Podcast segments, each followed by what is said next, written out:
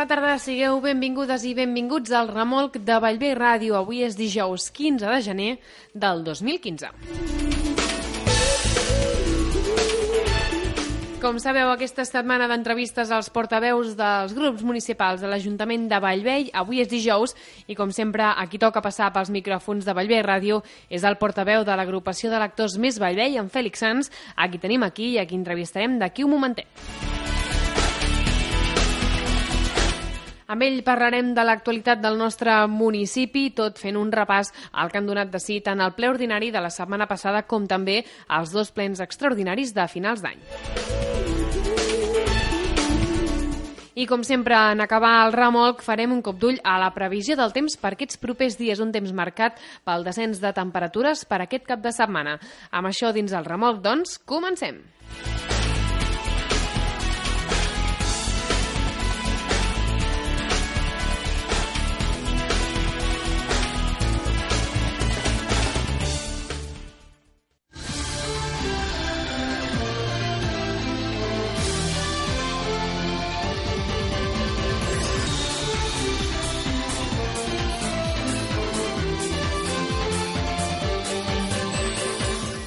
Doncs com dèiem, aquí saludem avui en l'última de les entrevistes als portaveus dels grups municipals de l'Ajuntament de Vallvei. És el portaveu de l'agrupació de lectors Més Vallvei, en Fèlix Sans. Fèlix, molt bona tarda. Hola, bona tarda a tothom. Dimarts teníem la Nuri Güell, dimecres l'Agustí Huerta, com dèiem, com ja vam explicar dilluns i també en la resta de dies, en José Ángel Pascual, portaveu del Partit Popular, s'ha excusat en aquesta ronda d'entrevistes. Esperem poder parlar amb ell uh, ben aviat aquí als micròfons de Vallvei Ràdio, però sí que avui el que volem fer és parlar amb el portaveu de l'agrupació de lectors més Vallvei, el govern uh, que forma part de l'equip de govern de l'Ajuntament de Vallvei, de diversos temes d'actualitat. Uh, hem tingut dos plens extraordinaris a finals d'any, ple ordinari la setmana passada, per tant tenim força coses al tinter.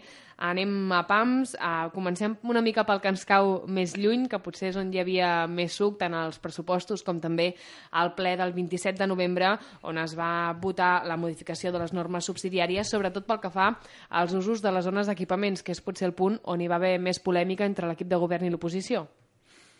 Sí, efectivament, hi, havia, hi va haver una miqueta de, una miqueta de picabralla amb aquest, amb aquest punt dels usos de, dels equipaments, perquè segons Convergència i Unió eh, no hi havia d'haver no hi havia d'haver els usos de, religiosos amb, amb la zona d'equipaments de, del polígon.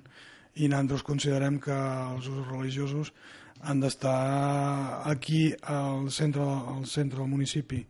No hi ha equipaments, per tant no hi poden ser i per tant no hi poden ser. No hi ha més zones d'equipaments per ficar més usos més usos religiosos, per tant ha de ser un lloc o altre. I llavors és la zona d'equipaments de, del polígon on es poden, on es poden col·locar bé aquestes zones d'equipaments que contemplaven, eh, com dèiem, tant equipaments esportius, equipaments de caire educatiu i també centres religiosos de qualsevol, de qualsevol religió. Eh, comentes que al municipi, diguem, la part que no són polígons, no hi ha espais per usos d'equipaments? Totes les zones d'equipaments públiques estan ocupades. Uh -huh. Hi ha la iglesia, hi ha en els col·legis, hi ha els, les zones esportives, tots estan, totes les zones d'equipaments estan ocupades, les públiques. Val? Per tant, no hi, ha, no hi ha lloc per ficar més centres ni, ni educacionals ni, ni de, de, de sanitaris, sociosanitaris, per exemple, tampoc, ni religiosos. No n'hi no ha cap més lloc. Això es podria arribar a modificar algun dia, perquè sí que és un problema si algun dia s'ha de fer algun altre centre sanitari o imaginem que hi hagués un institut per, per, per, per fer volar coloms, eh? perquè la, el tamany i la població de Vallvell òbviament no contemplen aquestes possibilitats, però sí que en el cas de que es necessités algun equipament d'aquesta mena no hi hauria espai al municipi ara per ara? Ara per ara no, s'hauria d'esperar si algun moment o altre s'amplia una miqueta més el que és el casc antic, el, bueno, el, que és, el que és el municipi ara. Uh -huh. Val? Abans hi havia unes, unes promocions o hi havia unes previsions de que es fessin moltes zones, moltes zones més de cases i clar, allí hi havia zones d'equipaments, però clar, tampoc créixer tal com es volia créixer, nosaltres no ho volem. Que si s'han de fer mil cases, nosaltres no ho volem. Que si s'han de créixer, el poble ha de créixer, sí, però ha de créixer amb lògica i a poc a poc. I en aquestes zones que creixi poc a poc s'han pues, de ficar les zones d'equipaments que, que s'haurien de, que haurien de ser noves. Que és precisament això el que contempla les normes subsidiàries, eh? aquest planejament. Eh, les normes subsidiàries s'han fet més que res perquè hi havia amb els polígons i tot això eh, hi havia unes normes subsidiàries una miqueta que no, explici, no explicitaven tot lo que, tots els usos que hi havia haver i tots els uh -huh. que hi podien haver. I llavors ens trobàvem que algunes empreses volien venir als polígons i no podien ficar-s'hi perquè no, no, no, no, els seus usos no estaven permesos com són les esportives, com, no sé, per exemple, una altra de les coses que també ens va sobtar és que hi ha una antena de telefonia mòbil que, no, que se li va ficar una demanda que s'ha de, que de desmantelar segons, el, segons els jutjats s'han de desmantelar però el que es podia haver fet és canviar els usos i permetre aquestes, antenes, aquestes antenes aquestes antenes de telefonia allà al polígon perquè si es desmantela aquesta antena llavors no tindrem cobertura no tindrem cobertura dels mòbils uh -huh. Uh, D'altra banda, també en relació a aquestes modificacions de les normes subsidiàries i els usos, uh, l'oposició va demanar una trobada de tots els grups municipals que en el darrer ple ordinari del 8 de gener uh, el govern va anunciar que, que sí que es faria properament. Sí, segurament es farà properament. Uh -huh. Els semàfors de la Nacional 340 també va ser un punt en què vam parlar ahir amb el regidor de Convergència i Unió, Agustí Huerta, arran de les declaracions del seu grup municipal de Convergència i Unió al darrer pòrtic del mes de desembre, en unes declaracions en què considerava que els semàfors de la Nacional 340 que es posen vermells, diguem, quan es sobrepassa la velocitat màxima del tram a intraurbà aquí a Vallvé de la Nacional 340 són un desastre. Ahir el regidor ens explicava que ell mateix havia vist eh, un accident concretament en aquell punt. Considereu des de l'equip de govern que no estan ben col·locats o que no hi haurien de ser aquests semàfors reductors de velocitat? Aquests semàfors reductors de velocitat estan allí perquè també són semàfors peatonals. O sigui, quan algú vol cursar, algun veí vol anar a la cooperativa o vol anar a les seves terres, que té l'altre cantó de la carretera, també serveixen per, per creuar. Uh, llavors, si, no hi ha, si la gent no respecta els llimes de velocitat, també és un perill pels peatons que, que han de creuar. Per tant, estan amb, quan passes de 50 el semàfor es fica vermell, senzillament perquè la gent vagi més a poc a poc els cotxes vinguin més a poc a poc, els camions vinguin més a poc a poc per arribar a la rotonda i també vagin més a poc a poc perquè no hi hagi perill pels vianants que puguin creuar. Uh -huh. És a dir, que la idea és reduir la velocitat no només per aquest tram del Pas d'Ebre, sinó també per arribar a la rotonda a menor velocitat. Heu notat una millora amb aquest semàfor pel que fa a la seguretat de la rotonda? Jo crec que s'ha notat més millora també, eh, a part de que els camions i cotxes no arriben a, no arriben a tanta velocitat, també s'ha notat una millora amb, la, amb, la, amb foment, eh, vam parlar moltes vegades amb foment, amb Servei Català de Trànsit, i tots vam dir que es havia de millorar l'entrada a Vallvei perquè era una miqueta, una miqueta forçada, segons paraules, mm, paraules directes de, de, de foment, era una entrada forçada per tant, vam intentar de totes totes que es fes una, una entrada, que es desplacés l'entrada més cap a l'esquerra perquè hi hagués més espai per entrar a Vallvei.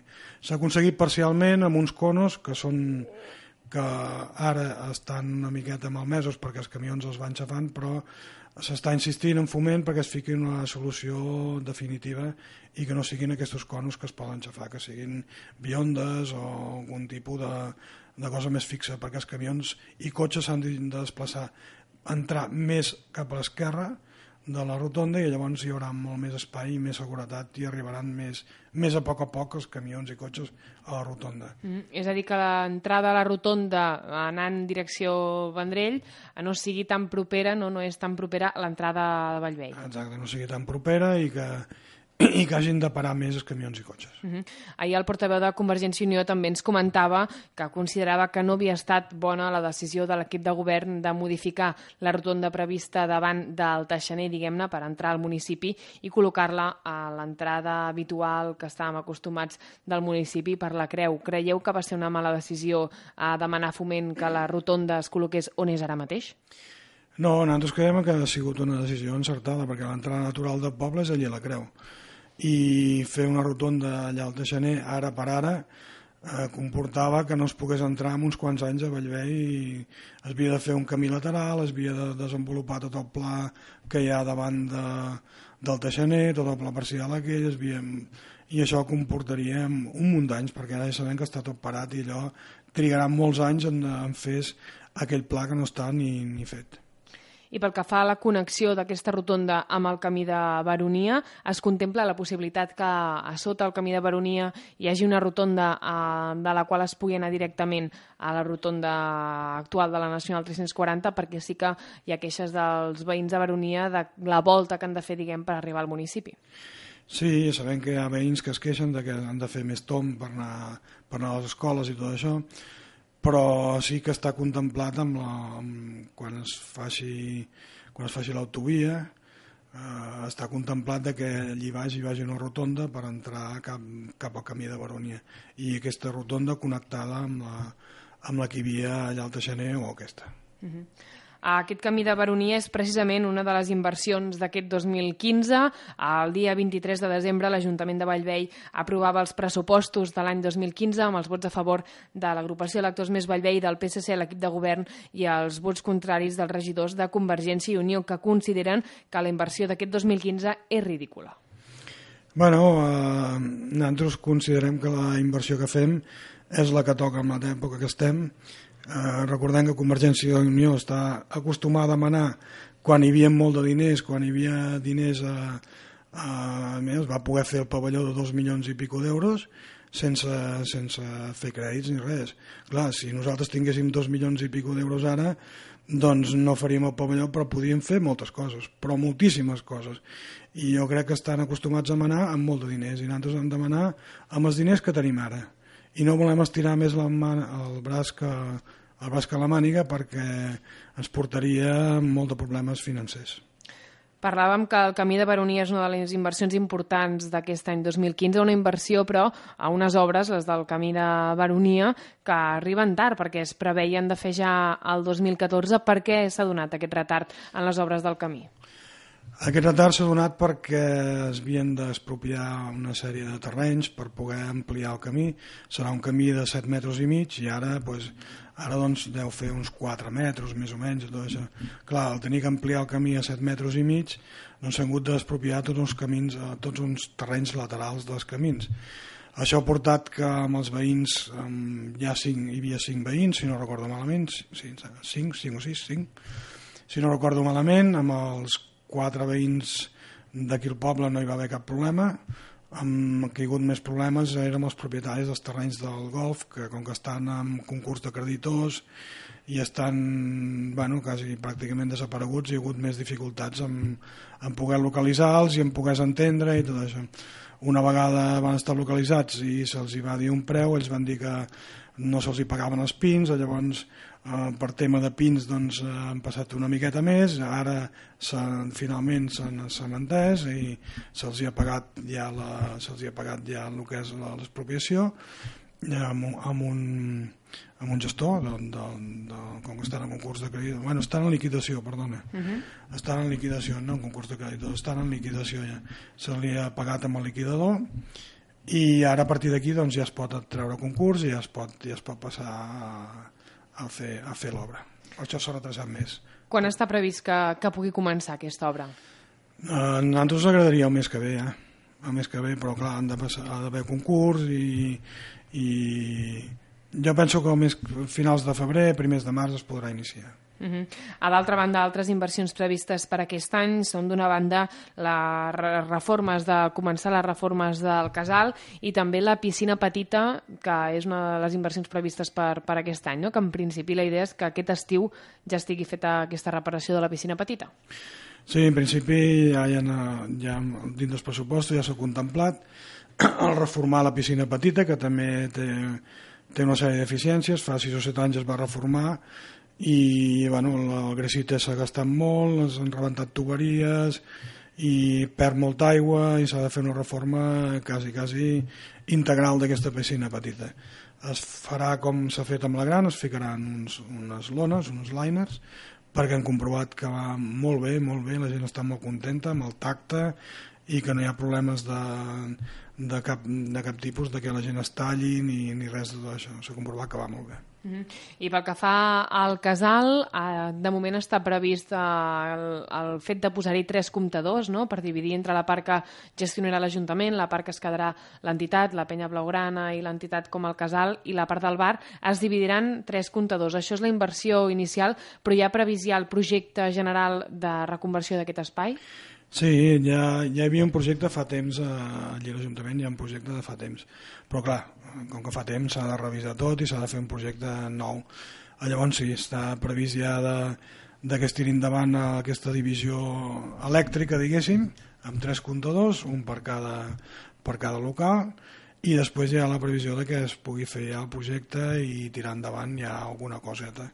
Seria molt important que poguéssim ja anar fent-ho, anar, anar preparant un local per tenir un local doncs, al, al poble, aquí dintre del poble. Sí, que la idea és que aquest any ja es pugui tirar endavant el projecte general, diguem, d'obres de, del casal?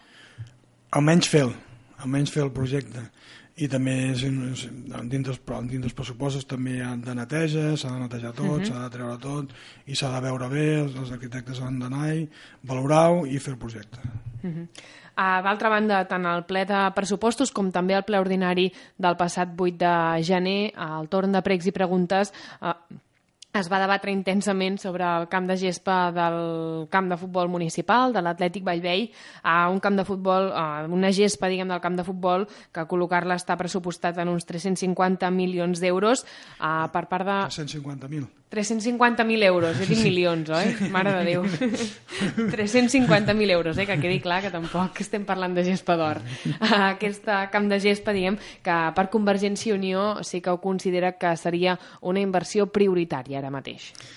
Sí, nosaltres no ho tenim com una inversió prioritària, ho tenim com una inversió, amb, ho estem mirant tots els, tots els problemes que hi pot haver, tot el, el problema més gran que hi ha és la financiació si es troba una finançació adequada, si es troben els diners per fer-ho, també nosaltres també tenim intenció de fer-la, però s'ha de trobar la financiació i prioritari, jo crec que prioritari es poden fer moltes coses, es poden fer moltes coses.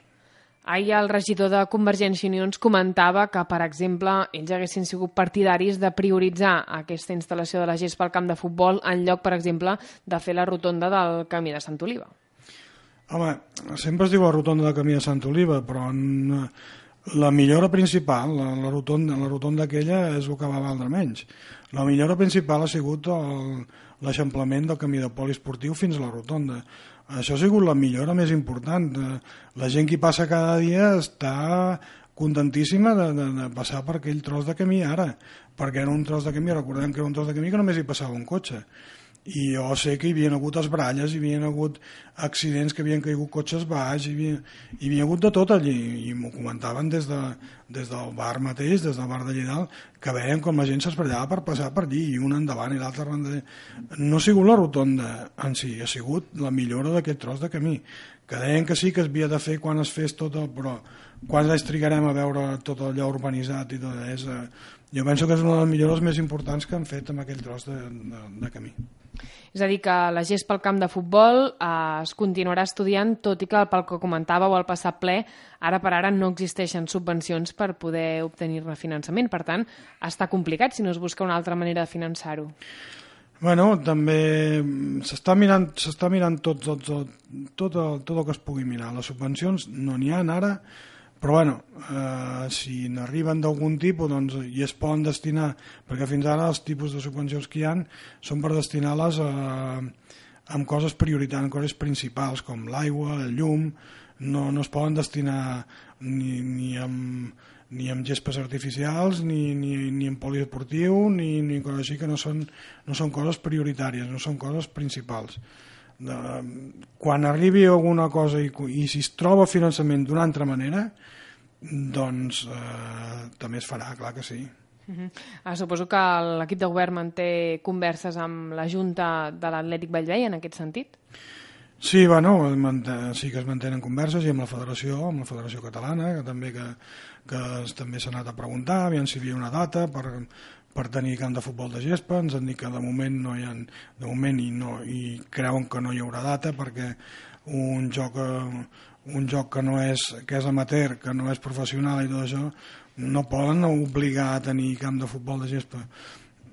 En principi no poden obligar, però bueno, no podem dir mai que, que no s'obligui. De totes maneres, tornem, eh, estem pendents de tornar a parlar amb, eh, amb el president d'aquí a Tarragona i de la federació i aviam si podem trobar algun tipus de... i també pot ser que s'abaixi més també la, la, el preu de la gespa mm -hmm. s'estan estudiant totes les possibilitats molt bé. Uh, D'altra banda, altres inversions previstes uh, són la canalització d'aigua a alguns carrers de Baronia, on hi ha moltes pèrdues, com són el carrer Calafell i el carrer Violeta, també els fanals de Baronia del Mar, o una part de la il·luminació dels carrers de Baronia del Mar, i també la il·luminació de la rotonda del camí de Sant Oliva, diguem, entre el camí i el pavelló, que també és un punt que, que ha quedat pendent en la inversió del 2014. Sí, són uns, un, una sèrie de detalls que són no valen molt de diners però crec que s'han de fer. Després també aquí on hi ha els semàforos també hi ha la previsió de ficar un, un fanal perquè ja, ja s'ha parlat amb la Diputació la Diputació pintarà un pessebre eh, per travessar la que és la carretera de Calafell en direcció cap aquí a Vallvei diguéssim. Eh, perquè allí no hi ha pessebre i llavors els peatons es troben allí que no, que han d'esperar per creuar i també doncs, s'ha parlat amb la Diputació perquè es pinti pessebre però ha d'estar il·luminat per la nit i llavors mm -hmm. està previst també de ficar un, un fanal allí mm -hmm. A l'altra banda, el pressupost del 2014 contemplava una partida de prop de 2.500 euros de seguretat, una partida que enguany s'ha reduït als 1.000 euros. Ah, comentàveu al ple de pressupostos que hi ha hagut moltes traves i que no s'ha pogut tirar endavant aquesta proposta de seguretat ah, al municipi. Què ha passat en aquest sentit? No, s'ha parlat amb, amb, amb Mossos, amb Interior i tot això i és dificultós de poder tenir una vigilància privada al municipi. Llavors s'està mirant amb empreses per vigilar el que són les eh, dependències municipals i a partir de vigilar les dependències municipals que es pugui vigilar tot el, com que hauran d'anar de dependència en dependència anar vigilant la intenció és aquesta, de que es pugui vigilar les dependències de l'Ajuntament però a més a més que es vigili tot l'altre anant d'una dependència cap a una altra perquè hem de recordar que Vallvei no pot tenir policia local pel nombre d'habitants que té, per tant, depèn únicament de, dels Mossos d'Esquadra en aquest sentit, sí, no? Sí, depenem únicament dels Mossos d'Esquadra. Vull recordar també que l'any passat vam parlar en Calafell, vam parlar amb Arbós perquè els seus policies locals poguessin fer també vigilància aquí, com a mm, pobles veïns, i, però bueno, hi ha les seves dificultats i jo crec que amb, amb la pròxima legislatura si, si és que si és que ens presentem i sortim i, i d'això es, pot, es pot mirar molt bé tot això perquè comentaves això, no? aquestes converses amb l'Arbós, amb Calafell, és complicat arribar a acords d'aquesta mena amb municipis propers? Hauria de ser més fàcil o hi hauria d'haver el Consell Comarcal que facilités aquesta, aquests tractes? Com... És, és dificultós això? És dificultós de, no d'entendre's amb els municipis veïns, eh, perquè la voluntat tant de, de, de l'alcalde de, de Calafell com de l'alcalde de, de Barbós és de, és de màxima col·laboració i d'intentar fer tot el que es pugui. És, és dificultós en, en molts aspectes, en aspectes econòmics, sobretot, que val molt de diners, i en els aspectes polític, amb aspecte policial, en, en diversos aspectes és dificultós, sobretot amb l'econòmic, eh? que va molt de diners que, que hauries de pagar la patrulla que vingués de Tarbós o vingués de Calafell, el vehicle, la patrulla, s'ha de pagar tot. Això requereix una inversió mm, amb 2.500 euros no fem, no fem d'això. S'estan mirant empreses de, que ja fan un tipus de vigilància, per exemple, el Coto de Vallvei, hi ha una empresa que es dedica a fer la vigilància del coto que ells venen uns dies al mes per fer la vigilància de, de, dels caçadors, doncs, diguéssim. I llavors amb aquesta empresa és possible que ens poguéssim que poguéssim parlar, han parlat amb ells i és possible que poguéssim fer-ho a través d'ells també que vigilant el coto també vigilessin les zones rurals i, i dintre i el casc urbà. Mm -hmm. Sempre i quan el Departament d'Interior i Mossos d'Esquadra, diguem, donessin el vistiplau, no entenem? Donés el vistiplau. Mm -hmm.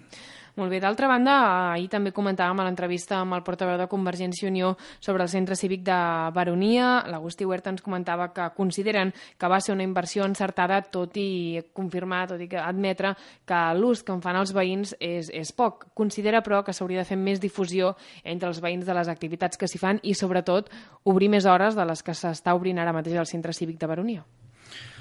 Home, no sé, vull dir, si s'han d'obrir més hores, potser sí. Jo només ens porten els números de la gent que, que va ara, la gent que, que va cada mes, i, per exemple, el mes de desembre hi han anat sis persones. Tot el mes de desembre hi han anat sis persones. Activitat de gimnàstica a banda, entenem? A, a, activitat de gimnàstica a part. Eh? L'activitat de gimnàstica sí que és la que funciona molt bé, però és gent gran i, és, i aquesta funciona molt bé. Val?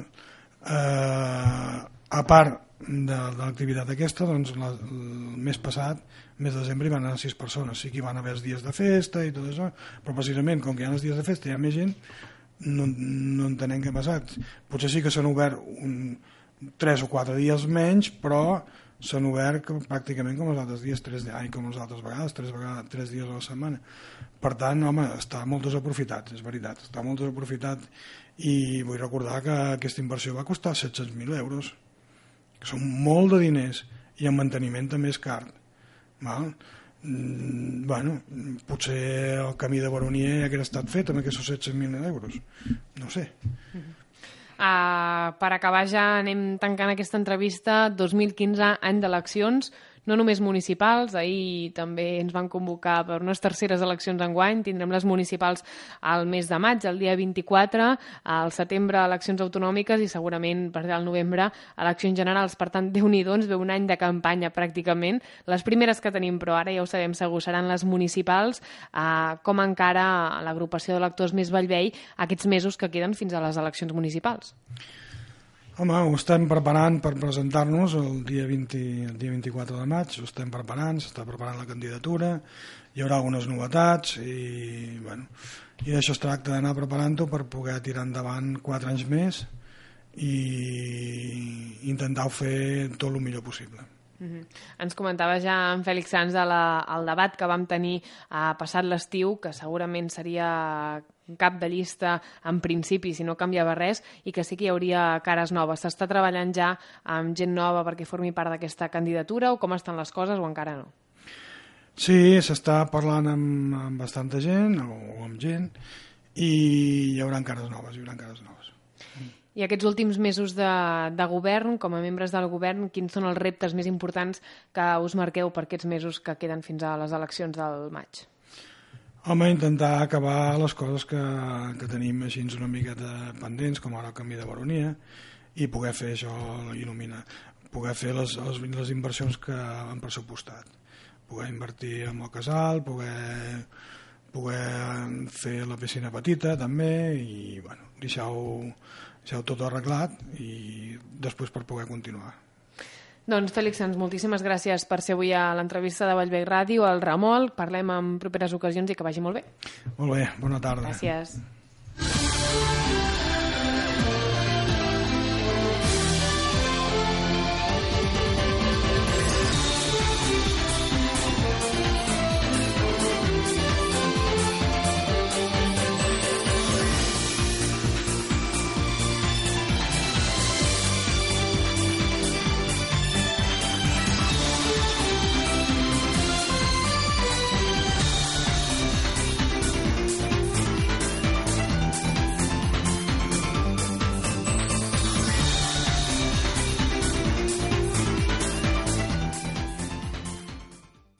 Com fem sempre amb el poc temps que ara ens queda, fem un cop d'ull a la previsió meteorològica.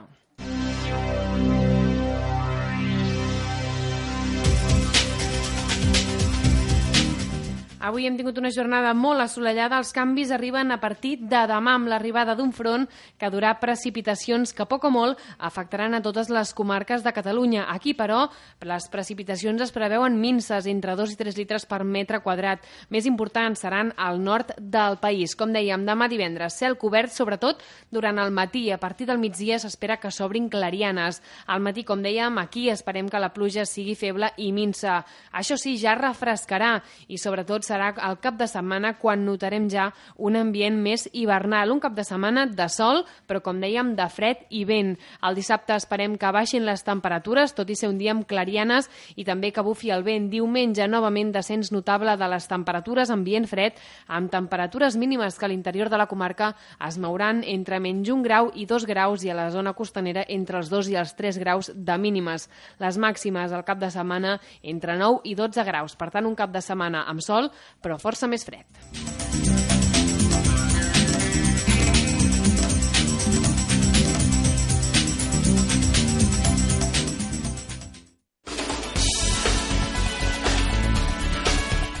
I fins aquí el remolc de Vallvé Ràdio d'avui dijous 15 de gener, que com sempre repeteix també el divendres a partir de dos quarts de nou del matí. Gràcies a totes i a tots per ser-hi, per sintonitzar la 104.7 de l'FM i ara us deixem amb el Carles Venegas amb el Daki Tuya amb aquest primer programa d'aquest any 2015. Com sempre, tornem demà. Gràcies per ser-hi i que vagi molt bé. Salut!